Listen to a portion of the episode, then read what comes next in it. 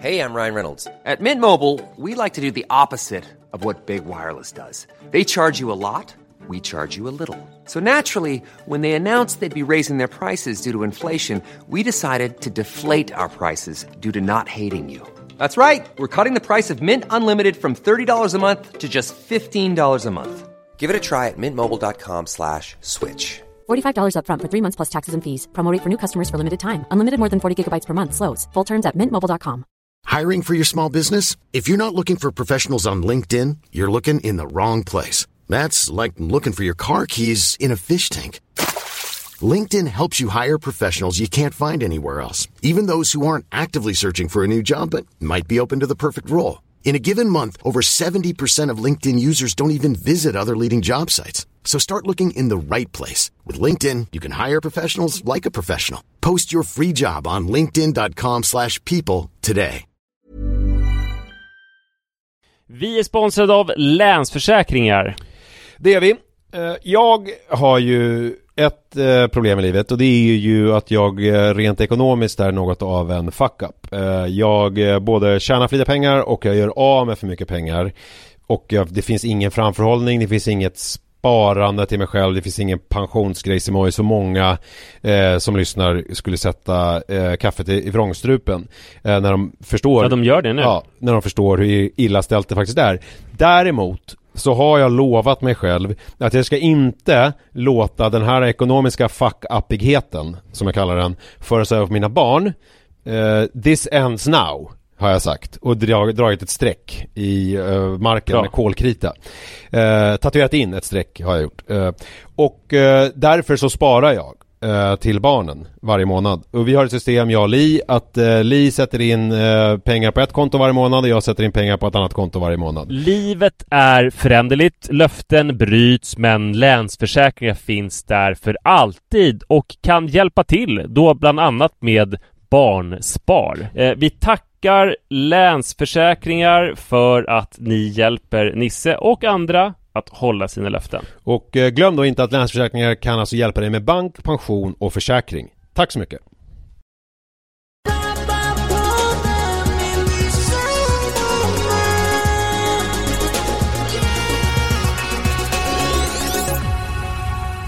Hallå hallå! Varmt välkomna ska ni vara till avsnitt nummer 550 av eh, podden som vi kallar för Pappapodden och som... Jävla snyggt tal! 550 ja, ja verkligen. Ja, Jag gillar när vi ska göra 666. är det så? Är du lite så här diabolisk? Ja, men jag är ju både och va. Jag är ju både djävulen och eh, eh, liksom eh, Gud. Jag har ju inte alls storhetsvansinne Mm. nämligen. Nej, det är självklart inte. Oj, jag ska inte hålla på och göra omkörningar när jag poddar, insåg jag precis. Nej, men det är väl kanske smart. Eh, så jag lägger mig bakom den här husvagnen väldigt defensivt. Du sitter eh, och kör eh, eh, från Mora till Nyköping eh, där du har eh, Japp. hållit på med och Vasaloppat eh, med John från din andra podd, Springsnyggt-podden och nu är du på väg till Nyköping där du ska på konfirmationsmiddag för ditt näst äldsta Ja, det- syskonbarn. Det stämmer exakt och jag har... Det är mycket som är speciellt här. Dels så för bara 15 minuter sedan så var jag med om min första roadkill. Vilket var oväntat eh, jobbigt. Mm. För att jag såg det här levande djuret och hade ingenting... Det var som att jag dödade med berått mod. Jag hade inget utrymme att göra någon undanmanöver så jag var tvungen att bara köra rakt över det. Mm. Ja, Det men... en stackars snok Jaha. som eh, hade kommit upp på en eh, landsväg, Mm. eh, E16. Eh, och eh, vad fan skulle den där göra? Det finns ju inga viltstängsel i världen som kan hålla snokarna borta, kan jag säga. Nej, jag kände så jävla dumt. Jag såg sen i backspegeln hur den var totalt överkörd och nästan liksom låg som något trasselsudd där bort. Ja, jag fattar. Det var inget kul. Eh, och sen det andra jag ville säga var att det är eh, så jävla konstigt. Alltså ni poddlyssnare har ju liksom ett långt perspektiv på ändå på mitt och på ditt liv eftersom ni kanske har varit med vissa över tio år. Att det är så jävla konstigt att jag nu har jobbat med Vasalopps, Vasaloppets sommarvecka och eh, att det är så mycket löpning i mitt liv. Att det är liksom, jag har ett, he- ett helt nytt jobb som eh, där jag pratar om löpning, jag har föreläst om löpning, intervjuat löpare, sprungit två gånger och eh, liksom att jag känner alla de här personerna och känner löpning. Och eh, det hade jag ju verkligen inte trott för några år sedan. Fast vana poddlyssnare ett enda som har hängt med, om löpning. Fast vana poddlyssnare som har varit med i tio år vet ju att det här är ju liksom helt eh, i linje med din personlighet ju. Som, som det den här snoken inte fick göra nu, alltså ömsa skinn. Precis. Du ömsar ju skinn och sen så har du det nya skinnet länge eh, och intensivt. Eller ibland inte så länge, Ja. men det är väldigt intensivt alltid i alla fall. Cigarrerna var ju kort. Jag känner att det som jag har gett dig är väl ett lite mer lågintensivt grej. För jag känner att pappapodden är ju liksom Det är ju ett lågintens, en lågintensiv småputtrande del av ditt liv. Som ju inte alls Ja. har tagit över din tillvaro på samma sätt som dina andra verksamheter eh, tenderar att göra. Så att jag känner mig ändå som att eh, du har berikat mig på många sätt eh, genom att till exempel det som jag tog upp för några veckor sedan att att man eh, kan vara en person som liksom inte lämnar in bilen på service fast man måste typ böja sig, eh, sätta, föra fram baksätet och böja sig långt bak och sträcka ut armen och trycka på någon pigg för att bakluckan ska öppnas. Eh, eh, liksom eh, och tycka att det är helt okej eh, att jobba på det Mm. sättet. Och jag har då kommit från det här eh, plockstäda på onsdag, eh, eh, dammsuga på torsdag, damma och torka ytor på fredag. Och, alltså så här, eh, från en väldigt kontrollerad tillvaro där liksom minsta grej som händer som går emot eh, det Mm. gängse eh, skrivs upp på någon lista och åtgärdas eh, omedelbums. Så har jag ändå känt att jag har Ja. kunnat möta dig lite grann i den grejen. Det är ju en sak som jag har lärt mig av Vi dig. håller på att bli samma person. Ja det tror jag blir väldigt, väldigt svårt. Hörru jag har en, Men det apropå där det här. apropå med bilen, jag måste bara säga för att eh, nu när du nämnde bilen så är det, det är mer kaotiskt än någonsin. Jaså? Det har ju fortsatt vara så att eh, den där bilen, det går inte att öppna eh, olika dörrar, alltså, och inte heller då bakluckan fortfarande så man måste klättra in i den som du nämnde. Nej. Men nu dessutom så... eh, Vi har tre bilar nu fast vi skulle ha en. Och eh, jag... eh, Det sista jag gjorde var att parkera om olika bilar och lämna nyckeln trodde jag till Sara. Ja.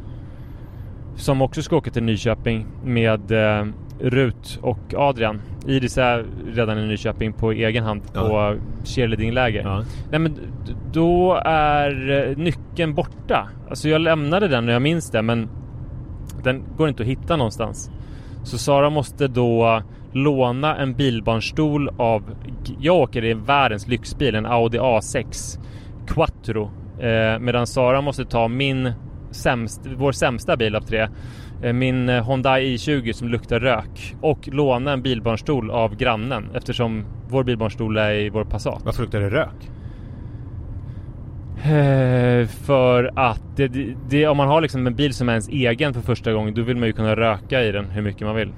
Ja, ja, så att du trots att du inte röker så började du röka Mm. för att kunna röka i bilen. Exakt. Nej men det luktade rök när jag köpte den. Jag fattar. Uh, hemma hos mig luktar det ju väldigt uh, hemtrevligt av cigarettrök också eftersom jag eh, tycker om att ligga i sängen och kolla på tv-serier och röka.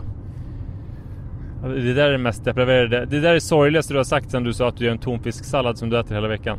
Ja, eh, alltså eh, det är ju tur att, vi, att det som är sorgligt för en annan kan vara liksom eh, bra för, eh, eller liksom någonting roligt för eh, en tredje. Så att livet, eh, så, att, så att världen liksom... Tänkte du främst på tonfisksalladen eller på sängrökningen nu? Jag tänkte på båda grejerna för jag tycker inget av det är sorgligt. Jag tycker tonfisksallad, jag har också utvecklat min tonfisksallad så att nu gör jag, för förut var jag lite lat och bara slängde ner tonfisken i salladen. Nu gör jag en jättegod tonfiskröra.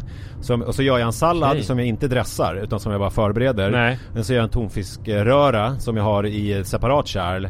Så jag har en stor sallad i en plastbytta med lock och sen så har jag en blandsallad liksom. Och sen så har jag eh, den här tonfiskröran vid sidan av. Så att jag får ju liksom, mm, det är så gott. Eh, Men du har inga kolhydrater? Alltså Jo, potatis? jo, jo, jo, alltså salladen är, förlåt, det är en pastasallad. Sorry.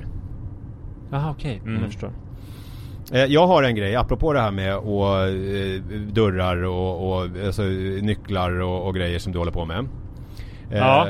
Och apropå att våra lyssnare är trogna. Nu vänder jag mig till de lyssnarna som kanske inte har varit med oss så länge utan det räcker att man har varit med från eh, 3 juli. Okej. Eh, Mm. För då eh, pratade du om alla de här grejerna som du har på din lista att göra och så vidare. Och då sa du att du Mm. skulle rensa ditt förråd innan 20 augusti. Och nu är det 19 augusti när vi, när vi spelar in det här. Och imorgon är det måndag 20 augusti när vi släpper det här avsnittet. Och då undrar jag, Ja. kommer du hinna göra detta till dess? Alltså vet du nej, det kommer jag absolut inte Nej. hinna göra. Men jag tycker att jag har giltigt Det förfall. är klart för att du tycker det. Som alla sjuka människor så har du olika förklaringsmodeller för att förklara varför du inte har gjort det Ja, jag måste vara överenskommet. redogöra för det så får du se om det håller eller inte då. Det är nämligen så Det att brukar ju eh, hålla. Adrian skulle... Ja, vi får se. Det är inte helt säkert. Adrian, idag när vi spelar in det är det den 19 augusti, Mm. en lördag.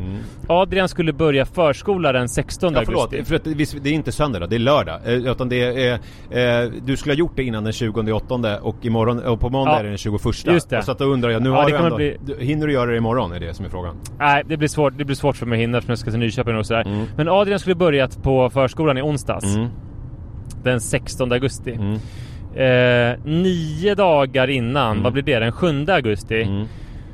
Så fick vi ett meddelande från hans förskola som han skulle börja i där det stod så här. ehm, Hörni, vi har kommit på att vi, vi kommer inte ha någon småbarnsavdelning. Eh, så det är kanske inte så kul för honom att börja där. Så fundera på om ni har några andra alternativ. Annars är vi skyldiga att ta emot honom. Men det kanske inte är så jättekul för det blir på en storbarnsavdelning. För den som är näst yngst i så fall är efter Adrian är 14 månader äldre. Alltså det är ganska mycket. Men, då måste jag Ehm, säga eh, att det har ja. hänt ganska mycket med ditt föräldraskap från Iris till nu. Eh, För att eh, Mm. Manne Forsberg för tio år sedan hade ju tyckt att men det här passar ju perfekt för Iris är ju typ som en tonåring så att hon, hon ska ju egentligen börja skolan direkt. Hon är ju så... Ja, alltså, jag var har du- extremt engagerad i när hon skulle börja storbarnsavdelningen. Mm. Att hon skulle göra det och så. Ja. Har du, har du liksom, det, Ja. det var ju mycket så här, så här, hon är ju, alltså du sa det aldrig men det var som att man kunde läsa mellan raderna att du var en sån här förälder som, som vill kalla ditt barn för särbegåvat. ja, att du typ trodde de att hon skulle behöva gå i någon speciell förskola för barn som har liksom, som har väldigt speciella förutsättningar och då på ett positivt Alltså sätt. jag trodde hon väl att, att hon var som jag, alltså brådmogen, alltså inte liksom överintelligent utan röker fimpar, åker omkring på tunnelbanan, lite som en sån här duva som fanns i Farsta förut som lärde sig åka tunnelbana. Inte förut, de finns Så fortfarande kan jag säga. ansåg jag att hon var. Ja, ja. det vet Eh, jag. alltså, en Farsta-duva såg jag Iris som. Ja, och en Farstaduva börjar ju direkt på storbarns, för det är ju på storbarns man lär sig röka. Alltså storbarnsavdelningen men är exakt. ju som att hamna på sådana här SIS-hem om man är en eh, ung kille i förorten på glid. Eh, då lär man, det är där man såg lär en sig stackars allting. rö- räv som var helt nyöverkörd. Det var värre, som gapade på ett hemskt sätt. Jag har ju, jag, det vet jag också, det här är liksom memory lane för poddlyssnarna. Det vet ju Ja. alla att för tre fyra somrar sedan så körde jag ju över en ekorre när jag var ute och körde med barnen. Ja. Och jag sa ingenting till dem för att jag ville liksom, ja, för att jag inte är dum i huvudet. Men det var, Det förstår jag, det, är- det är fruktansvärt. Mm, och det var ju också sådär att man bara Eh, såg i backspegeln hur den liksom låg med dödsryckningar och sen så bara var jag tvungen Ah. att köra vidare. Nej, det är vidrigt alltså. Är vedervärdigt. Men Mm. eh, nej men ja, det, precis det kanske har hänt. Jag ser inte Adrian som en Farsta-duva som ska börja röka fimpar. Utan, ja men och sen så var det ju, de gjorde ju extremt tydligt hur konstigt och besvärligt det skulle vara att ta emot en bebis när de inte ens har någon småbarnsavdelning. Men om Iris Så att, var en eh, Farsta-duva, vad är då Adrian? Om Ja. vi fortsätter med den här eh, ja, metaforleken. Han är väl eh, pappas lilla gulliga pojke. Men det är ju ingen, det som är jag ju ingen ska sova liknelse. med varje natt. Det är ingen liknelse. Han ett lambilam kanske. Mm. Alltså en sån som han ser på när ni är på Hemköp och så säger han Ja "Eh, eh, exakt. eh." Någon som är, exakt. Någon, någon som är så himla himla gullig så att man vill skydda den mot allt. Och täcka in den i i ullig eh, päls. En annan grej som eh, våra trogna poddlyssnare vet om är att vi har haft en följetong de senaste veckorna. Det är ju att du har eh, eh, pratat i varje avsnitt och frågat mig om vad jag har lärt Men mig av mitt Vänta, vi, ska, vi håller på att berätta nu om eh, varför jag inte rensar förrådet. Ja just det, det glömde jag bort. Förlåt, jag är helt, eh, jag är är helt lördagsförvirrad. Jag är, jag är, Ja, jag är en 33 centiliters Carlsberg Export in. Det är ju trots allt lördags eftermiddag. Ja. Ja. Och en hel helgfylla in också. Alltså Nej, igår, igår gick jag faktiskt och la mig 22.30 och vaknade 07.15 och eh, gjorde en stadig frukost bestående av havregrynsgröt och två stycken grovrostmackor med eh, skinka, prästost. Jag har äntligen, alltså jag har ju haft problem i mitt liv. Det gjorde du rätt. Nu får du inte prata Jo, mer. jag måste Eh, bara säga det här. Det här, det här är det sista jag ska säga. Jag har ju äntligen börjat få åsikter om saker. Jag har ju levt ett liv utan att tycka saker. Uh, utan bara Ja. å ena sidan och andra sidan och vet inte själv vad jag tycker om någonting. Jag vet inte varför jag pratade sådär men eh, så har jag varit. Men jag har kommit fram till att jag på morgon, frukostmackan vill jag bara ha prästost. Det är det godaste jag vet. Ja. Mhm. Så. Nu, nu har jag sagt det. Det var bara det jag ville säga. Jag förstår. Mm. Eh, nej men så vi stod utan förskola och Sara la ner en, ett jättejobb på att fixa en förskola. Så att han får börja en vecka senare. Och det jag sett fram emot mest med förskolestarten Det är liksom inte att jobba eller prata i telefon med en vuxen utan att Jag tänkte att jag ska börja med att rensa alla mina förråd. Och sälja lite grejer och fixa sådär. Så, så Klassiskt, det är eh, det som... Klassiskt missbruksbeteende ju. Att man är så här: bara det där händer så ska jag. Jag ska bara ta, Ja, idag ja, får jag men- ta några öl för att det är ju lördags eftermiddag och jag är, jag, då, måste man ju, då måste man ju få ta en 33 centiliters. Och jag är ju så glad idag, jag mår ju så bra, då måste jag ju få ta en öl. Nej men det är ju måndag och jag är ju så ledsen idag, det var ju så jobbigt på jobbet, jag måste ju få ta en öl. Och idag känner jag liksom, jag känner mig lite tom idag, jag känner ingenting. Äh, då, det, är- då är jag ju värd en öl. Alltså det är lite samma, samma princip tycker jag på det Ja fast här var det någonting som jag... Ja, ja jag tycker det haltar lite men det som eh, kom som en stor chock då är att eh, på den här nya förskolan som man ska börja så har de skickat ett mejl om så här, vad kul att er son ska börja på förskolan på onsdag då, vad är det, 23. Ehm, vi kör en 11 dagars inskolning. Va?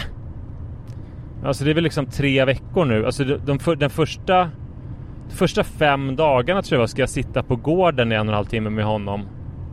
Och inte ens gå in i lokalen Men det här är ju helt käka. ny, apropå det här att det går såna jävla trender där. För att när vi skolade in, eller jag kan inte tala för dig, men när, alltså när jag skolade in Manne och Jojo. Det var tre då var det dagars inskolning som gällde då. Då skulle man ju liksom Ja, ja. riva av plåstret. Då var det ju då var det så här, det här är det bästa för barnen.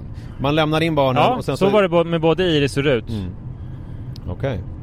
Sjukt. Eh, och även jag skolade in, jag skolade in Rut igen sen när hon var mycket äldre, gick på storbarnsavdelningen när hon bytte förskola. Och då var det små barn som skolades in samtidigt också. Då, då var det också tre dagars inskolning och det var väl bara för typ fem år sedan. Eh, så att eh, ja, jättekonstigt. Så att, för jag har ju sett framför mig liksom. Först så såg jag framför mig att okej 16, 17 och 18 skolade jag in.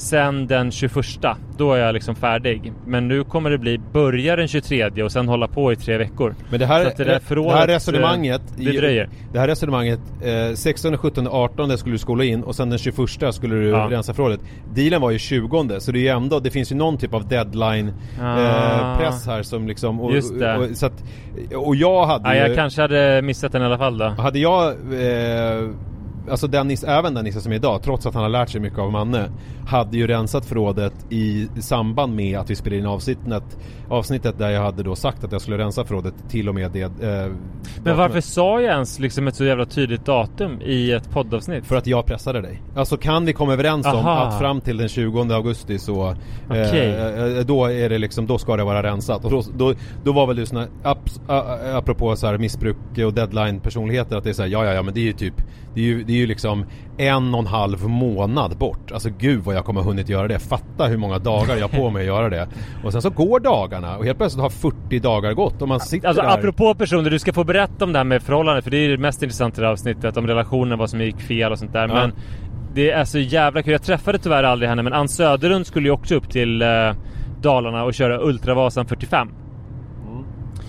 Hon eh, bad mig om ett träningsprogram i typ maj kanske Mm. och rapporterade några gånger att det gick jävligt bra. Ja just det. Eh, nu förstod jag att hon inte hade tränat någonting överhuvudtaget Nej. och ska springa 45 kilometer ändå i ganska jobbig terräng. Mm, men det är ju hennes grej. Och sen så gör hon det fast hon typ håller på att dör och typ så här hade ja fast nu blir det fan svårt med tanke på att hon hade svårt med 30 kilometer på Lidingöloppet. 45 ändå. Och det roliga var då för att hon gör ju det här tillsammans med ett företag, Axa och sen är det någon slags tv-serie. De gör trippeln. Ehm, och då såg jag hennes senaste avsnitt. Hon cyklade då Cykelvasan. Mm. Och jag tycker det är så kul med att Ann, eftersom jag själv är ganska strulig, att hon är liksom, hon är ju kanske en miljard gånger struligare än jag. Det är som När vi skulle åka öppet spår. Mm. Ja, vad sa du? Nej men det är ju som när man, när jag kommer ihåg när Manne, när han fick sin ADHD-diagnos och vi gick på de här ADHD-kurserna, Ja. då var det så himla skönt att träffa andra föräldrar och höra och höra deras historier och så kunde jag och Li titta på varandra och tänka att ja men så där har det i alla fall inte vi det. Är det lite samma Ja. relation du har till Ann? Att det, ja men så där stör det i alla fall inte. Nej men exakt, exakt så är det. Och eh, eh, dagen innan vi skulle åka öppet spår, alltså det är ju så himla mycket, man ska åka ett skidlopp så är man så jävla noggrann med alla materialprylar för det finns så mycket att tänka på. Ja. Då visade det sig att hon eh, inte hade några stavar. Nej. Och Johan Olsson hade börjat typ gråta. Ja. Eh, så här, liksom, hur kan man inte ha stavar? Men nu kollade jag då på när hon åkte Cykelvasan och då visade det sig, då filmade de henne precis före start, alltså på startgärdet. Mm. Och då berättade hon, man fick känslan av att det kanske var, här kanske är 15 minuter före start. Så berättade hon, ja, då fick hon frågan om deras typ cykelcoach. Hur har det gått då? Jo men det har ju gått jättebra, så här, skitbra. Men det är så himla tråkigt att min cykel blev stulen. Mhm. Bara va? Då hade hon ställt den utanför hotellet i Sälen och sen hade den blivit stulen. Ja, okej. Så, så, så de hade en, en kvart på sig att fixa en ny cykel. Okej. Det som kanske var dumt så här och inte så sedelärande det var att de fixade då en finare cykel än den som hon hade Ja, men, ställt men, på ett men, dumt men sätt. så det, är ju, det är ju Ann Södlunds personlighet. Att det liksom, hon Ja. är ju, det löser sig eh, i kvadrat. I sin personlighet. Och så gör det Och så det. gör det ju det. Men man undrar ju Ja. hur många gånger det inte löser sig. För jag tänker att man får bara Ja, höra det om när lär det ju vara en del gånger. Ja. Det måste ju vara, eftersom det uppstår så många situationer hela tiden så måste ju ett ansenligt antal vara sådana situationer där det faktiskt inte löser sig. Att det är så här, nej men den här gången gick det Ja. inte överhuvudtaget. Men då tror jag att hon bara, eh, likt Björn Borg, tänker nästa boll och så går hon vidare bara. Okej, men ska vi ta det här nu då? Jag tänker Ja. att du får slänga upp bollen då, annars blir det så konstigt. Jo men det var väl jag som frågade dig om eh, Om eh, du kan känna att du gjorde något fel i relationen, alltså typ så här bristande omvärldsbevakning, att du inte såg Lis behov. Eller det, jag vet ju att det finns sådana tillfällen, jag vet inte om det blir för dumt om jag säger vilka exempel jag tänker på. Nej men det, det kan du väl komma Eh, efter. Om jag, om jag liksom, om du Ja. ställer frågan så kan väl jag göra, för jag har ju spaltat upp lite som någon slags lista. Så kan vi diskutera Ja. punkterna och sen så kan ju du komma med din eventuella feedback och För jag tänker att det kan ju vara jävligt lärorikt säkert för många som lyssnar på podden Mm. och som är i relationer. tankar. Det var ju en sån, apropå det så var det ju en sån grej, för jag gjorde ju bort mig i Nyhetsmorgon på midsommarafton. För att jag, jag Ja. använder ju alltid mig själv som exempel, det är ju lite grann därför jag är där. Liksom. Jo, det berättade du, du berättade det i podden ja. att eh, Jo men folk, jag gav ju... eh, ti- folk Ja, berätta du. Ja, Berätta gärna du om, om vad jag gjorde. Jo men att du sa att det var så krångligt nu när du nyseparerade, hur skulle du göra på midsommar och sen så visade det sig att du skulle vara med din familj så att det blev inte liksom så trösterikt för de som var ensamma på riktigt. Ja men det var ju liksom, frågan var ju så här: jag känner mig ensam, vad ska jag göra på midsommarafton? Och mitt svar var så här, det är, Ja, viktigt, just det är viktigt att planera sådana här högtider. Eh, Ja, alltså så att, man, så att man inte bara sitter där ensam och scrollar eller känner sig misslyckad så att man liksom planerar in någonting. Men jag tänkte ju inte då på att jag är där som mig själv och liksom berättar om mina erfarenheter. Så då ställde ju Steffo den jäveln, vilket han sätter ju alltid dit mig. Då ställde han följdfrågan, ja vad har du gjort? Och då var jag tvungen att säga som det var. Att jag hade pratat med Li eh, och frågat om jag kunde ha barnen och att min bästa kompis kommer med sina två barn och så firade vi en jättemysig midsommar. Och då blev det lite grann som ett hån. Så att det är så här, hej jag är ensam på midsommarafton, vad ska jag göra? Ja du får väl skaffa kompisar och en familj jävla tönt. Alltså det, det, blev, Mm. det blev ju typ kontentan av mitt svar och det kändes ju inte så bra i magen. Eh, jag kände Nej. mig ju både taskig mot brev, eh, frågeställaren och jag kände mig som en eh, idiot i Riks-TV. Eh, men man lär sig ju. Så den här gången hade jag lärt Ja, det mig. hade varit bättre om det var lokal-tv. Ja visst, öppna kanalen hade varit perfekt. Eller kanske Ja. bara att jag sa det hemma för mig själv. Hade nog varit det allra bästa. Exakt. I huvudet, bara Ja. tänkte det och sen så säger jag det här säger jag inte högt. Nej men nu hade jag lärt mig, då är det ändå fel. För att då hade vi fått en fråga om, eh, alltså det var en eh, eh, mamma som skrev in, hon var NPF-förälder, alltså hade ett barn med en neuropsykiatrisk funktionsnedsättning. Som ju jag då också har eftersom ADHD, kvalificerar sig som en NPF-relaterad eh, sjukdom eller vad man säger. Ja. Och då eh, så eh, skulle jag ju prata ganska mycket om hur, mycket, hur jag och Li jobbade väldigt mycket kring det här med jag gav tips på liksom att man ska ta hjälp utifrån och man kan tänka på att man fördelar ansvaret sinsemellan och att man pratar med varandra, man kommunicerar och man ser till att skapa goda cirklar och man umgås och så vidare. Men sen kom jag ju på då att det här kan jag ju inte säga utan att då säga för att då kommer det ju vara så här, ja fast du skilde dig ju. För det, frågan var ju så här, eh, hur ska vi göra för att hålla ihop det? Och, så, och då Ja, blev det ju det. så här, och då när jag, när jag kom på det, då, då, då var det ju också som att jag sa att vi skilde oss för att Manne har MPF. Eh, vilket ju verkligen inte är hela sanningen. Så då blev det som att jag då istället eh, liksom sa att eh, så här gjorde vi för att kämpa för att hålla ihop det trots att vi hade ett barn med MPF. Men vi skilde oss ändå. Eh, och då blir det ju som Mm. att det var mannens fel. Vilket ju, och då var jag tvungen att betyga, lägga eh, 25 sekunder på att betyga eh, och bedyra eh, och liksom försöka övertyga alla. Men är det för att du är liksom mannen från gatan som du behöver ta? Alltså Anna Bennick behöver vi inte hålla på och berätta så Nej nej nej, mycket nej, om. nej. Alltså relationen är ju sån.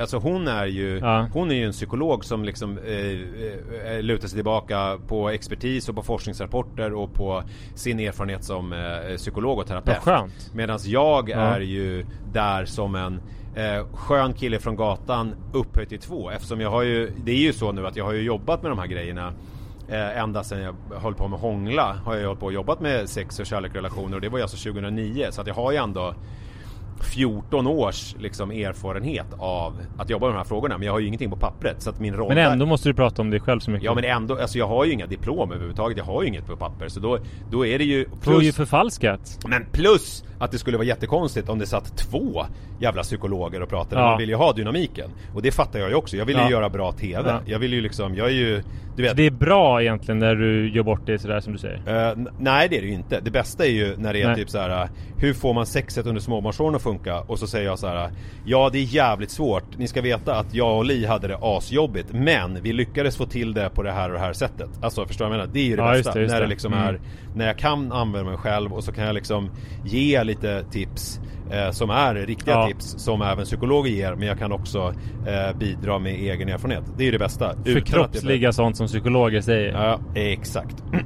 Men det blir ju Mm. ett prob- problem då när det ibland krockar med eh, alltså andra saker då, att jag framstår som en jävla idiot. Men Ja. det gör jag så gärna för att jag får så mycket annat utav det. Men hörru, nu, nu försöker jag fly från ämnet här. Nu ska jag alltså då säga, eh, jag, jag har tolkat uppgiften som att jag ska tänka lite grann på vad jag lärt mig av ett äktenskap och vad jag kunde ha gjort bättre. Eh, Ja. ja. Och då är det eh, min första, eh, ja det finns ingen så här eh, rangordning på de här utan jag, för det, det, det är liksom, det här är olika saker som jag kommit på att jag har lärt mig. Eh, och eh, vad hände där? Larmar... Jag tyckte inte jag körde i mitten av körfältet. Ja, Körfältsvarnare. okej. Men du, det, det är inte så här som på film nu, för du vet att i film när de pratar då är det ju Ja. mot en green screen eller motsvarande så då kan de ju sitta och titta på varandra och prata på ett sätt som man inte kan göra i verkligheten. Så det är inte så att du har Nej, liksom mikrofonen eh, på sidan, alltså att du vänder dig bort och liksom tittar in i mikrofonen och inte tittar framåt. Det hoppas jag. Nej, jag tittar framåt. Ja, du tittar framåt? Absolut. Ja, det är bra. Jättebra. Mm. Eh, eller att du har gjort Nej, just det. Det hade varit en speciell teknik. Eller att det är, att du vet sådana här kepsar som man, som man har på typ svensexor och sånt där med Som är kopplade till någon öl med liksom massa sugrör som man har i eh, munnen Att du har gjort någon sån Mm. ställning för mikrofonen eh, på någon jävla konstig löparkeps så att den liksom, så att det täcker ditt synfält eh, för att du ska kunna För du tänker så här, det är viktigt att jag kan hålla i ratten Men på bekostnad av Jo, eh, men vadå? mm, Ja det är bra Det, gjorde, det har jag gjort. Ja det är jättebra Jo men alltså så att du täcker ögonen Men man känner ju underlaget. Ja det är sant. Det var, ju och, och bilen varnar ju jättebra där när du kör fel. Så det är ju, Exakt, Det är ju kanon. Eh, Allt funkar som det ska. I alla fall, och då, då eh, är det ju ehm, Vissa grejer kan ju liksom te sig som självklarheter som man har hört förut när man hör såna listor. Men de är eh, ändå så sanna. Men jag börjar med Mm. att, eh, att man måste anstränga sig för att vara tillsammans och då låter det som att jag ställer krav på liksom, Li också. Utan, men, det, men, men jag menar att det är mitt ansvar. För att ett problem som jag och Li hade det var att, på- att jag ofta satt ensam på kvällarna för att hon somnade med barnen. Eh, eller just liksom, eller gick, liksom gick och la sig. Och då kände jag ju en viss irritation och ilska över att vi aldrig fick tid ihop. Utan att det är så här, vi, hann, vi kunde aldrig sitta och prata så att säga. Förstår du vad jag menar? Eh, Utan att det är... Eh, men, men det jag skulle ha gjort så här med facit hand. Det är ju att jag skulle kommunicera till henne Eh, någon gång då när vi hade tid, när hon inte sov. Eh, att jag saknar henne som kvinna och vän i vår relation. Och att jag vill göra Men gjorde allt- du det då? Nej men jag gjorde inte För, det. för jag tror det är vanligt att man eh, känner kanske så här att eh, fan det där var ju dumt eh, att min partner sover nu. Vi kanske borde hänga lite istället men fan vad skönt jag har det. Ja, men jag, jag, jag kände ju att jag ville vara med henne mer och att det var bra för vår relation. Men det blev, ju, Ja. alltså det blev ju istället så att jag satt själv, det vet ju du, det har jag pratat om i podden. Jag satt ju själv ofta på fredagskvällar och lördagskvällar och liksom scrollade lite på mobilen alternativt kollade på någonting på TV länge och eh, i, i, snarare regel undantag att jag drack eh, stora mängder whisky eller någonting för mig själv liksom. Att jag satt liksom ensam och gjorde det. Det jag skulle ha gjort, så här med facit i hand, det är ju att jag skulle säga till henne, inte någon anklagande grej utan jag skulle ha lagt upp det på så sätt att jag skulle ha sagt Älskling, jag saknar dig som kvinna. Jag saknar dig som samtalspartner. Jag saknar dig som vän. Jag vill att vi hittar en lösning som gör att vi får möjlighet att sitta tillsammans på fredagskvällar, alternativt lördagskvällar och prata länge och umgås trots att vi har barnen hemma. Eh, kan vi tillsammans försöka hitta någon lösning på det här? För det här känns väldigt viktigt för mig. Jag förstår om du vill prioritera din sömn och det respekterar jag och jag tycker verkligen att du kan få göra det en utav två kvällar i veckan. Men jag skulle vilja att vi hittade ett sätt eh, som gjorde att du och jag kunde sitta en fredagkväll och prata länge. Eh, och sen skulle jag eh, eh försöka öppna upp för henne och komma med liksom feedback. Alltså så här. Åh älskling jag förstår, jag skulle också vilja sitta med dig men jag är så himla trött, jag vet inte hur vi ska göra. Och då skulle jag kunna tänka så här, hörru du, jag är ganska pigg på morgnarna. Jag är ganska morgonpigg. Jag erbjuder mig, om vi sitter uppe på lördagskvällen alternativt fredagskvällen så får du sovmorgon. Då får du ledigt fram till lunch på eh, söndagen respektive lördagen. Planning for your next trip? Elevate your travel style with Quince. Quince has all the jet setting essentials you'll want for your next getaway, like European linen, premium luggage options, buttery soft Italian leather bags, and so much more. And is all priced at 50 to 80% less than similar brands. Plus, Quince only works with factories that use safe and ethical manufacturing practices. Pack your bags with high-quality essentials you'll be wearing for vacations to come with Quince. Go to quince.com slash pack for free shipping and 365-day returns. Hiring for your small business? If you're not looking for professionals on LinkedIn, you're looking in the wrong place. That's like looking for your car keys in a fish tank. LinkedIn helps you hire professionals you can't find anywhere else, even those who aren't actively searching for a new job but might be open to the perfect role. In a given month, over 70% of LinkedIn users don't even visit other leading job sites. So start looking in the right place. With LinkedIn, you can hire professionals like a professional. Post your free job on linkedin.com slash people today. För att jag tycker att vi ska prioritera att eh, sitta och samtala på kvällarna och umgås med varandra som eh, gifta vuxna samtalspartners och personer. Det är ett så här konkret grej som jag eh, känner att jag, Ja, att jag, att jag skulle Men ha. för nu blev det tvärtom mot det eller att du så, att, att hon gick upp på morgnarna och du behövde sova lite längre Nej nej, jag behöver inte sova längre. Jag har ju ett annat sömnbehov. Och det skulle jag ju ha Ja. registrerat och liksom förstått. Eh, och, och, och då, så det är liksom en, för det tror jag, om jag hade liksom tidigare i relationen hade förstått det här. Jag skulle också ha velat bli intresserad för någonting som heter SORK. Som jag har lärt mig i min terapi, som är en sån här KBT-term. Som jag gör väldigt ofta nu i alla situationer. Och det skulle jag även gjort på den här. SORK, det står för ja, typ situation och sen så är det jättekonstigt för det står för typ så här organism. Eh, men jag kommer förklara vad det innebär. Reaktion och sen så är det konsekvens och det är två K. Det är alltså SORK. Det är alltså kon- kortsiktig konsekvens och långsiktig konsekvens. Så eh, om jag tar på det här exemplet, om jag skulle ta en sork på det, då skulle det vara så här, så här. Situation, det är så här, jag eh, sitter själv på fredagskvällarna, dricker mycket whisky och ligger och lägger sig. Organism, organism, jag fattar inte det ordet riktigt, men det står för vad som händer i kroppen. För att det här är ofta, du vet, om man håller på med KBT så här, vad händer när du ser en orm? Ja, Jag ser en orm, jag får panik. Ja. Ja. du vet, så här. Ja. Eh, och eh, det som händer i min kropp då, det var ju att jag kände en viss frustration och alltså, en, en, en, en, en gnutta bitterhet och lite ilska. Reaktion, det vill säga, vad gjorde jag? Eh, jo, jag satt själv och lite grann muttrade för mig själv och eh, kommunicerade med andra människor via sms eller via chattar eh, på olika sätt sådär.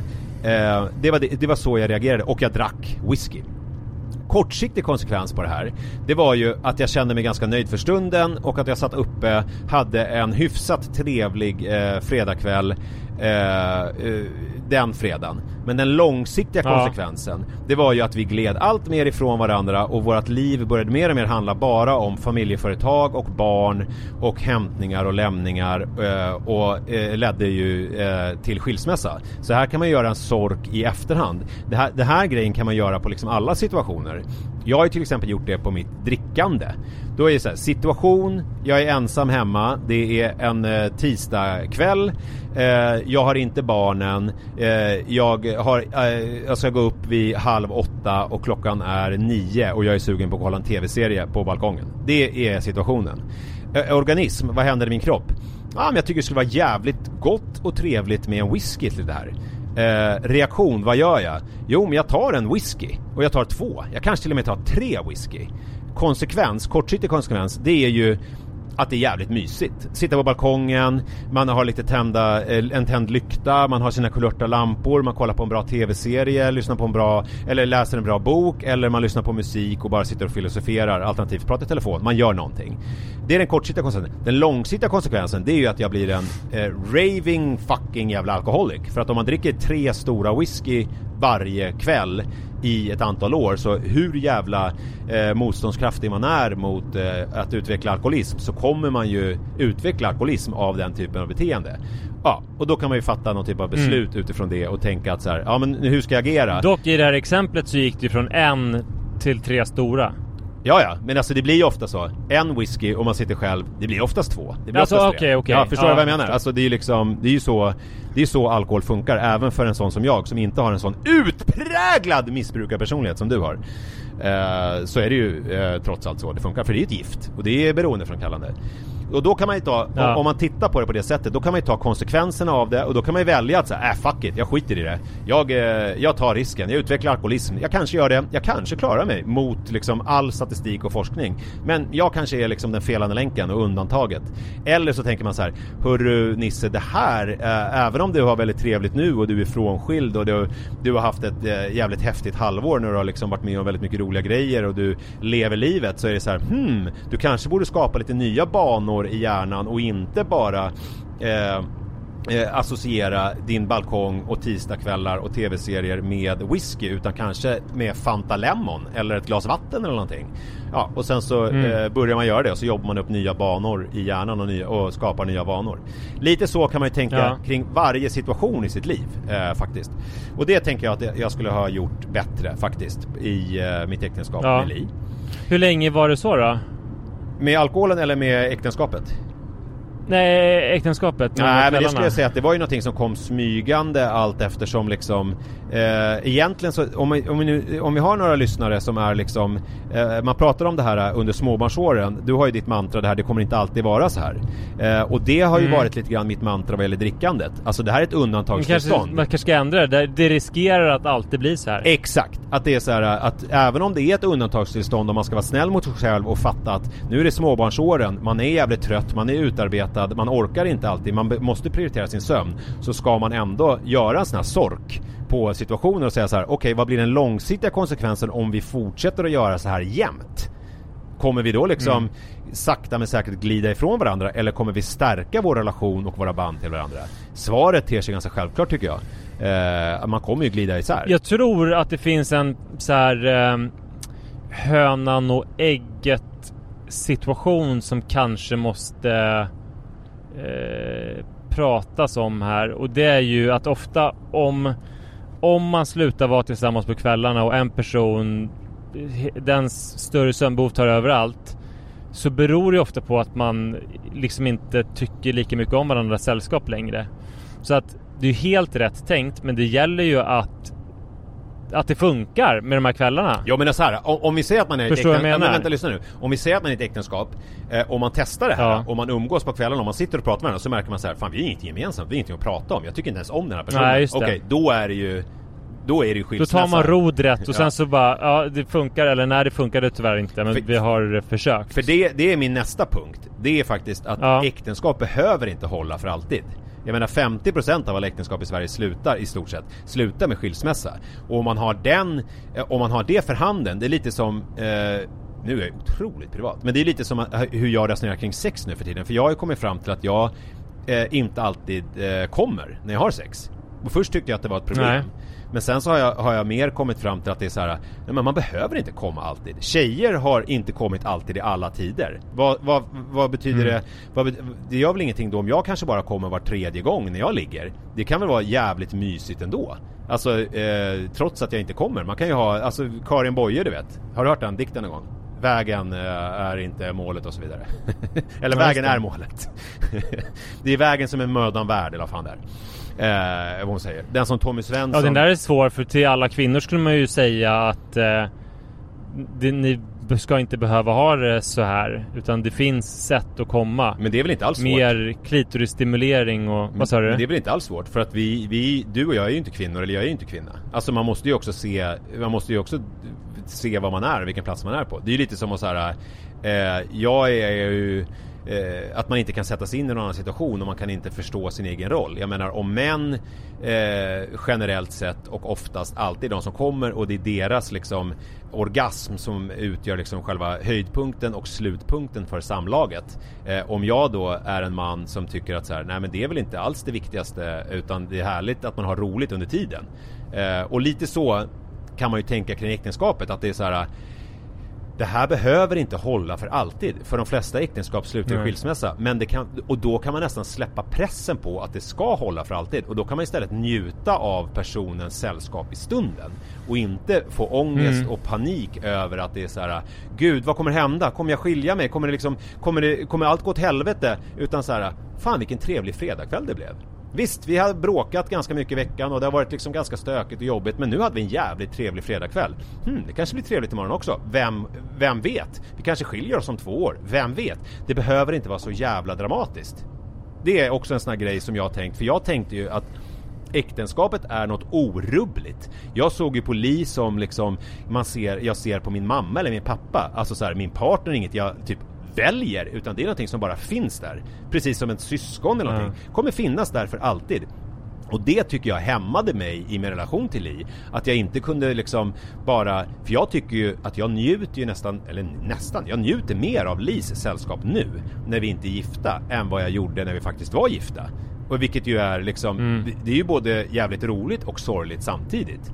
Att det liksom är, för att nu har jag ingen press på, jag känner ingen press på att det här måste hålla, vi måste få allting att funka. Det är liksom eh, ekonomi, det är barnen och det är liksom hela livet och eh, eh, så. Utan nu kan jag bara se henne som den hon är, den person hon är, en helt underbar människa. Eh, och, det, och det är ju liksom, det finns ju något vackert och eh, en, om man är i ett äktenskap så finns det något vackert och en lärdom att dra av det tycker jag. Att inte tänka så mycket liksom Absolut, men samtidigt att, att vara familj. Alltså, för det du säger då är att man kanske inte ska vara familj med sin fru. Nej det, säger, det, nej det säger jag inte alls. Jag säger bara Alltså för det, det som är med fa- familj, det, alltså, det är ju Alltså som jag har med mina barn och mina föräldrar och mina syskon och syskonbarn Det är ju att det är liksom no matter what Ja. Och att det finns massa fina saker och det finns massa sorgliga saker Det finns massa jobbiga saker Mm. Det finns massa praktiska saker Det finns termosar med kvarglömd choklad Det finns massa vredesutbrott Var det det jobbigaste Men du det- kunde komma på? ja, jag såg framför mig, det har inte ens hänt mig utan det var någonting som hände min barndom att att du vet att det blev något, eh, en termos med gammal kvarglömd choklad som blev liksom explosiv så att den sprängdes i hallen.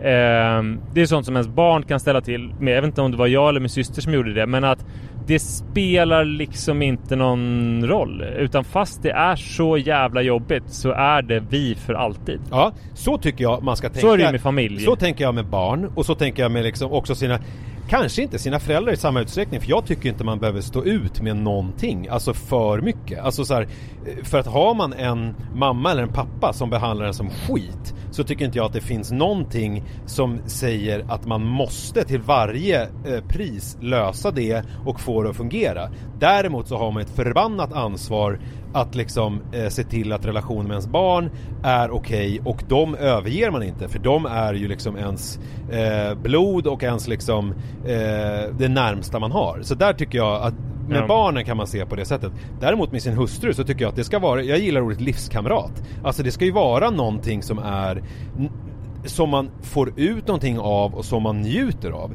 Jag tycker inte Mm. att man liksom ska behöva stå ut med att Även om man nu har vidtagit de åtgärderna som jag beskrev då, att man fixar så att man kan hänga och umgås och se till och ha det trevligt. Om man sen kommer fram till att så här, vi har växt ifrån varandra, eller vi är väldigt olika, vi träffade sin punkt i livet eh, och nu är vi på en annan punkt. Då tycker inte jag att det finns något självklart i att man måste till varje pris försöka Nej men det lösa där är bra det du säger för, att, för, så är det ju verkligen. Alltså, jag tror så här att eh, eh, man är liksom inte tvångsgifta och man ska ju vara berikande faktorer i varandras liv. Mm. Men det är ju helt ofrånkomligt att man ibland kommer hata varandra, att man kommer bråka om futtigheter, att man kommer störa sig varandra, att man kommer ha det jobbigt. Eh, alltså det är ju i nöd och lust. Ja, så är det ju. I nöd och Och lust, sen men det är ju en annan grej. Pos positiv plus, eh, alltså pluskolumnen ska ju vara större än minuskolumnen men, men eh, Men nöd för att mig man får liksom realistiska förväntningar. Nöd för mig, det är ju inte, nöd för mig är så här. Uh, ens barn, gud förbjude, går bort. Eller eh, en eh, stormen Hans blåser bort all ens skog som man står på barbacke. Eh, eh, ens hus brinner ner. Alltså sådana saker. Det är mer nöd. Nöd för mig är inte att man så här, trots att man har suttit och pratat med varandra och varit och umgåtts och gå- åkt på resor så känner man så här, fan jag vill vidare. Jag känner mig liksom, jag känner inte längre det jag kände för den här personen i början. Det är ju inte nöd för mig. Det om man, om, men, men det kräver ju att man vidtar åtgärder. Men vadå, det är klart att man inte kommer känna samma sak för personen som man gjorde från början. Nej men nu, nu väljer du att missförstå. Vad jag menar är, det är klart man inte kommer känna samma sak, för förhoppningsvis har det fördjupats. Att man i början, Ja, i början så är det någon typ av förälskelse, man liksom, som du har pratat om också, som man speglar sig i den andra, man liksom eh, ser sig själv med den andres förälskade ögon, eh, och man liksom känner Mm. sig lite förhöjd och det är massa kemi i hjärnan som gör att man liksom blir hög. Alltså sådana saker, klart att de försvinner. Eh, men jag menar, om man på riktigt känner att så här, fan den här personen berikar inte mig överhuvudtaget längre. Jag vill liksom göra någonting annat. Om man efter att man har gått i terapi, man har liksom verkligen försökt, man har kämpat, man har och då kommer fram till de här sakerna. Då tycker inte jag att det är lika självklart som om... Eh, nej nej, och det kan- håller verkligen med. Alltså, jag, vill inte att, jag vill inte låta som någon skilsmässomotståndare. Men man kan ju inte göra slut med sina barn. Alltså till, säg att du så här, Eh, att du och Iris bara så här, hela tiden bråkar och ni har jättemycket konflikter och så väljer ni så här, ja men vi går i något typ av terapi, far och dotter-terapi. Men så här, du kommer fram till att så här, Mm det här är ju bara ett exempel så förstår du ju. Nej men fan hon är ju, hon berikar ju inte mitt liv alls. Hon, Hon är är bara, hon är ju dum i huvudet. Ja, vi, vi har ingenting gemensamt längre överhuvudtaget. då kan ju inte du så här göra slut med henne utan då kommer det ändå vara så här, du måste ju ändå ta ditt ansvar som Starkt pappa. pappapoddsavsnitt, det här göra slut med uh, Iris-avsnittet. Ja. ja, men eh, det här är också saker som jag har lärt mig. Jag säger inte att det här är sanningar. Det här, för frågan var ju så här, vad jag kunde ha gjort bättre. Och jag tror att och jag hade mått bättre av att inte tänka på Li som typ Eh, no, liksom inte mamma i den bemärkelsen men alltså som en nära släkting som jag inte kan bli av med. Utan om jag hade behandlat Ja, henne som en person som jag tycker att jag lite grann mer gör nu. Alltså som en liksom person som är så här. Fan vad rolig hon är och typ vad kul hon är och vad roligt vi har. Alltså om jag hade haft mer den inställningen Mm. att så här, det här är roligt nu, vi får se hur det är sen. Det behöver jag inte grubbla över. Men nu är det, har vi kul, nu har vi mysigt liksom så. Ehm, och sen så är det bara en grej till. Det var att jag men det här har ju nästan bara med mig att göra så att det här får liksom vara om folk eh, ehm, eh, känner igen sig i det här så känner de igen sig i, det. Men det, jag tror, det här kan liksom inte du heller säga emot mig heller på det sättet för jag tror inte det här är en generell grej. Men jag kände mig Nej. dålig i onödan. Alltså jag hade hela Ja. tiden en känsla av att jag var sämre än Li.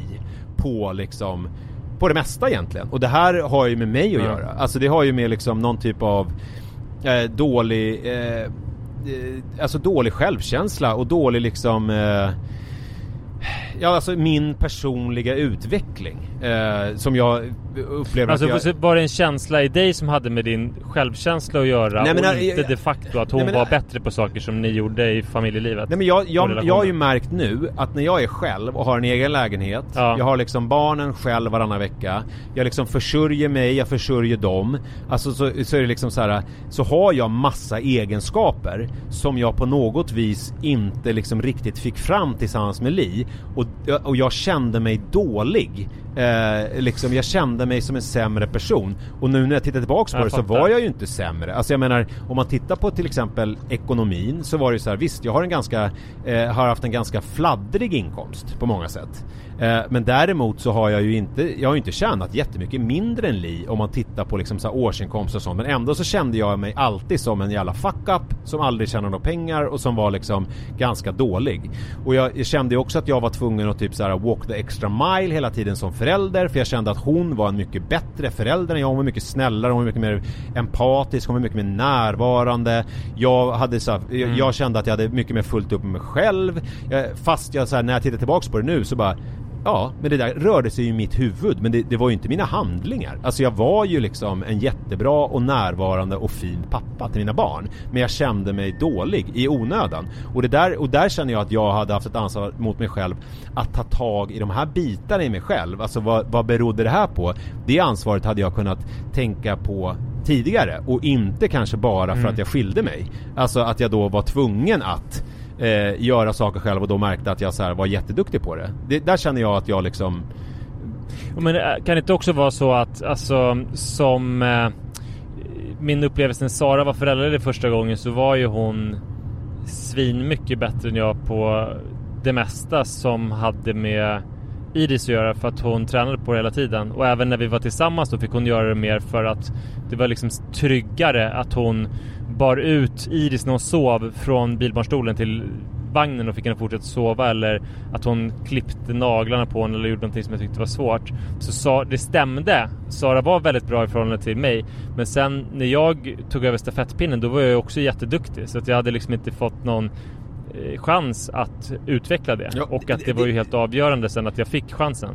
Det gäller kanske Så att inredning. det stämde att jag var dålig men jag hade inte behövt vara dålig. Det gäller kanske inredning, för att jag menar Li har ju en mycket tydligare smak och tydligare så här. Jag vill ha ett soffbord som ser ut så här och sen så googlar hon tills hon hittar det soffbordet och så, så ställs jag inför fait accompli. Det här soffbordet och så känner jag så här, ja, okej. När jag nu har tving- tvingats att hitta ett soffbord själv så är det så här. Jag har liksom inte hittat någon soffbord förrän jag liksom typ började processa någonting i huvudet och så här, Jag hade två pianopallar som stod framför soffan och så kände jag så här, hmm, jag vill ha något soffbord som är lite grann i den här höjden och, och typ lite grann i den här färgen. Alltså eh, började jag ju tänka i huvudet. Men, eh, och sen så helt plötsligt så bara sprang jag in i ett sånt för 165 kronor på en sån här loppis. Och så köpte jag det. Men det var ju någonting som verkte fram i mig för att jag fick ta det på min egen, eh, ta min egen tid och göra det på mitt sätt så att säga. Eh, hade Li varit här så hade vi redan haft ett soffbord. Så där stämmer det. Men när det gäller föräldraskapet så kan man ju inte säga att jag har varit en sämre förälder än vad Li är. Alltså jag menar när det gäller att ta ansvar och när det gäller att vara närvarande och när det gäller att typ hämta och lämna och alltså göra alla de där grejerna. Då- Då är ju jag ju skött liksom majoriteten av den verksamheten så att säga. Så där kan jag tycka att jag liksom har haft, eh, känt mig dålig i onödan. Men det jag har känt är ju då, som jag känner nu, att jag skulle det är ju lätt med facit i hand, men här är frågan så här, vad har jag lärt mig? Vad skulle jag kunna göra bättre? Jo, men jag skulle ha tagit tag i mitt den här dåliga, varför känner jag mig dålig? Varför känner jag mig som en dålig människa när jag liksom antagligen inte är det? Eller det hade jag inte kunnat säga. Det hade räckt att ställa frågan. Gå till en terapeut. Säga så här, varför känner jag mig dålig? Och sen så kunna reda i det. Eh, så att man liksom, mm. left, jag, hade, jag, skulle inte ha lämnat de där stenarna orörda så att säga. Utan jag gick ju bara runt och kände mig dålig och typ eh, tänkte att ah, men nu, nu gör jag middag. Eh, typ. Alltså förstår vad jag menar? Och Ja. sen så är det en sista grej. Eller jag har några grejer till men jag tycker den här är viktigast. Det är att jag skulle ha velat diskutera föräldraskapet mer. Och liksom uppfostran. För jag upplever att jag eh, föll till föga lite för mycket på en eh, linje eh, där jag känner att Li var mer låt gå medan jag var mer principfast. Och i början så var Mm. jag väldigt principfast och väldigt hård eh, och hade liksom väldigt tydliga ramar och regler för hur jag ville att saker och ting skulle eh, göras. Medan Li var mycket Kan du ge mer... exempel på det? Det var det, det gå ut med tallriken och sen med, Ja men, ja, men typ komma med vatten när de ropar, eh, äta glass på en onsdag, pannkaka Nej nej alltså exempel på din principfasthet. Jaha, ja men alltså eh, godis äter man på lördagar. Eh, man borstar Mm. tänderna varje kväll eh, vid en viss tid. Man, i, I klockan nio ska det vara släckt. Eh, eh, man eh, eh, säger tack för maten, man dukar av sin tallrik. Mm. Man, alltså såhär, bara vanliga grejer. Så här. Eh, som jag Ja. tycker då är vanliga grejer. Men där har jag ju tyckt att jag har lärt mig så mycket av Li för att jag har någonstans då tänkt att mitt det här kontrollbehovet som jag haft med du vet onsdags eh, plockning, torsdags eh, dammsugning och fredags Alltså jag har känt att det har ju varit liksom nästan lite patologiskt. Att jag har gjort det på ett sjukligt sätt Mm. för att hålla någon typ av ångest eller någonting borta Försöka kontrollera min tillvaro. Och så har jag liksom också då tänkt att det är väl jättebra om jag blir lite softare Vilket är sant. För att i ett äktenskap så berikar man ju och utvecklar varandra. Man lär sig av varandra i ett bra äktenskap. Men jag känner att jag har Ja. kastat ut barnet med badvattnet och blivit för liksom låtgåig.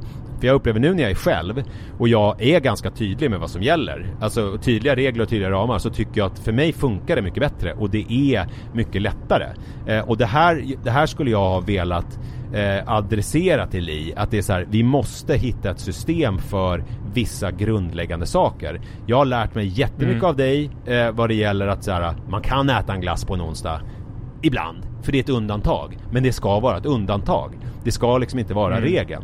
Eh, där skulle jag velat vara, ha mer tydliga sådana diskussioner med så här, vad Men vill... det där är också liksom, dels så kan man ju, ibland så finns det ju en objektiv sanning, till exempel att det är bättre att äta glass sällan än att äta det ofta. Så där får ju du rätt. Men sen så kan det väl vara så att man möts och man eh, kompromissar men att det inte är särskilt tillfredsställande. För att du, du är ju också en person som själv behöver mer ramar liksom. Mm. Så det är klart att eh, det är jättesvårt jättesvårt i en relation att kompromissa när det gäller saker som kan verka bagatellartade men som egentligen är ganska så här grundläggande för vilken person man är. Ja, och, då, och men nu kan ju inte, det här är ju vad jag, jag kan ju inte säga, jag menar här skulle jag ju kunna ha en lång monolog om vad jag tycker om Lis problem med gränssättning och vad jag tycker hon behöver jobba med i sitt liv och med liksom eh, sitt förhållande till andra människor. Men det, här, det är ju inte det det handlar om här. Här är det vad jag skulle ha lärt mig. Och då skulle jag, Ja. jag skulle ha velat diskutera uppfostran mer. Kanske till exempel en fredagkväll när jag har gett Li en sovmorgon dagen efter och vi sitter med ett glas vin och har ett chosefritt härligt eh, samtal där sådana här saker skulle kunna komma upp på agendan. Men så här, vad vill vi egentligen med vår uppfostran och vad tycker vi? Alltså vad tycker du och vad tycker jag och hur vill vi egentligen ha det? För det upplevde jag aldrig att vi riktigt hade. Eller eh, jag upplevde aldrig att jag initierade den typen av samtal. Det här är ju min version så att säga Nej. av det hela. Eh, och sen eh, har jag en sista punkt och det är väl att jag skulle ha velat eh, vara mer tydlig med att jag behöver mer egen tid. Jag behöver vara mer ifrån familjen. Jag skulle behöva liksom, Mm. för jag, det handlar ju också om min utveckling. Jag upplever ju, eh, och det pratade jag ju om i podden för några, var det förra veckan? Jag kommer inte ihåg. Det här med att fly in i familjelivet. Alltså fly in i, fly sig själv in i familjelivet. Eh, alltså lika Du har väl... inte pratat om det än. Du har bara sagt på Instagram att du ska prata om det.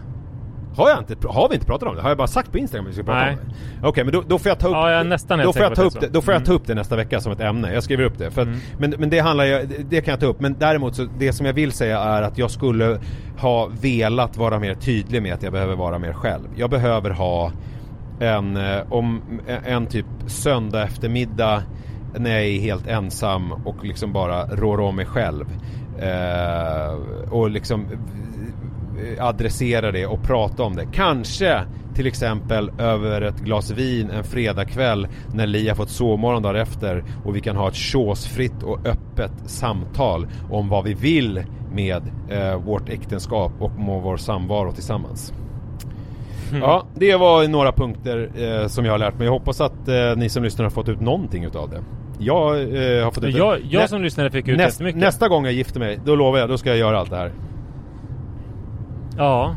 Ehm, Hur många äktenskap till ja, tror det du jag är har i spännande mig? grejer. Det som eh, blir spännande då är ju om du gifter dig och inte har barn. För då kommer det bli så himla annorlunda. Men vad tror du då? Och så kan du jämföra det. Men vad tror du då? Hur många äktenskap, jag frågar dig en fråga, hur många äktenskap till tror jag har i mig? Är jag en Elizabeth Alltså, jag Taylor tror- eller är jag liksom en, eh, vad är jag för något? Nej men... Ja, jag vet. Gud vilken svår fråga. Ska du grunna på det till nästa vecka? Det känns ju som att... Ja men, nej, men jag tror att du kommer ha mycket relationer. Det är ju det... Det är ju ändå lite grann så att du gillar relationer som är stadigvarande. Eh, Men kanske att du kommer vara lite mer seriemonogam. Så ett gäng, tio kanske? Tio äktenskap? Ja. Ja, det är, det är ju ganska många. Totalt, inklusive Li, eller eh, utöver Li. Nej, elva blir det då. Så att då är det liksom ett äktenskap eh, och en relation på 22 år och sen så är det då 10 fördelat på, vi säger att jag lever i någon slags, till jag är 85 då, i, i, i 40, vi säger att jag lever ungefär lika länge till då som jag levt nu. Då har jag alltså då 43 år på mig att vara gift 10 gånger och det är vid handen alltså 4,3 år per äktenskap om jag börjar nu. Ja då får jag ju fan dra igång Mm. alltså.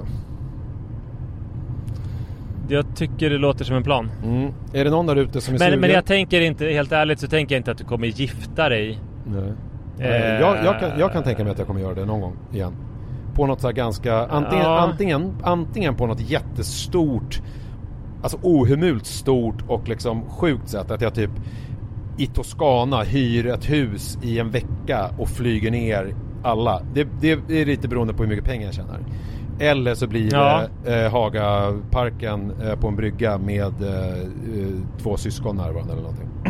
Ja, det har jag gjort fast bara ett syskon i Ja, för sig. jag menar det. Ja. Hörru du, nu måste jag förbereda en charkbricka för snart kommer kvällens gäster. Vad- Vilka är kvällens gäster? Eh, är det någon kändis? Nej, inga kändisar och det är inga, inga poddkändisar heller så det är egentligen helt oväsentligt. Och det är ingen dejt heller utan det är bara lite kompisar. Nej? Trist. Eh, tack snälla för att ni lyssnade. Vi hörs om en vecka. Kör försiktigt nu, inga mer, inga mer roadkills tack. Nej, jag ska försöka. Hej då! Hej då!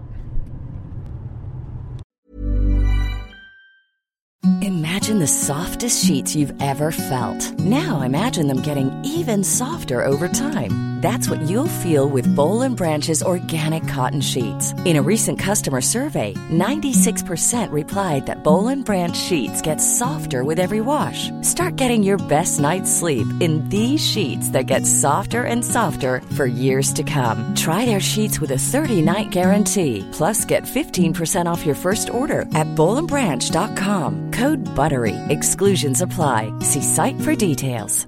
Planning for your next trip? Elevate your travel style with Quince. Quince has all the jet setting essentials you'll want for your next getaway, like European linen, premium luggage options, buttery soft Italian leather bags, and so much more. And is all priced at 50 to 80% less than similar brands. Plus, Quince only works with factories that use safe and ethical manufacturing practices. Pack your bags with high-quality essentials you'll be wearing for vacations to come with Quince. Go to quince.com slash pack for free shipping and 365-day returns.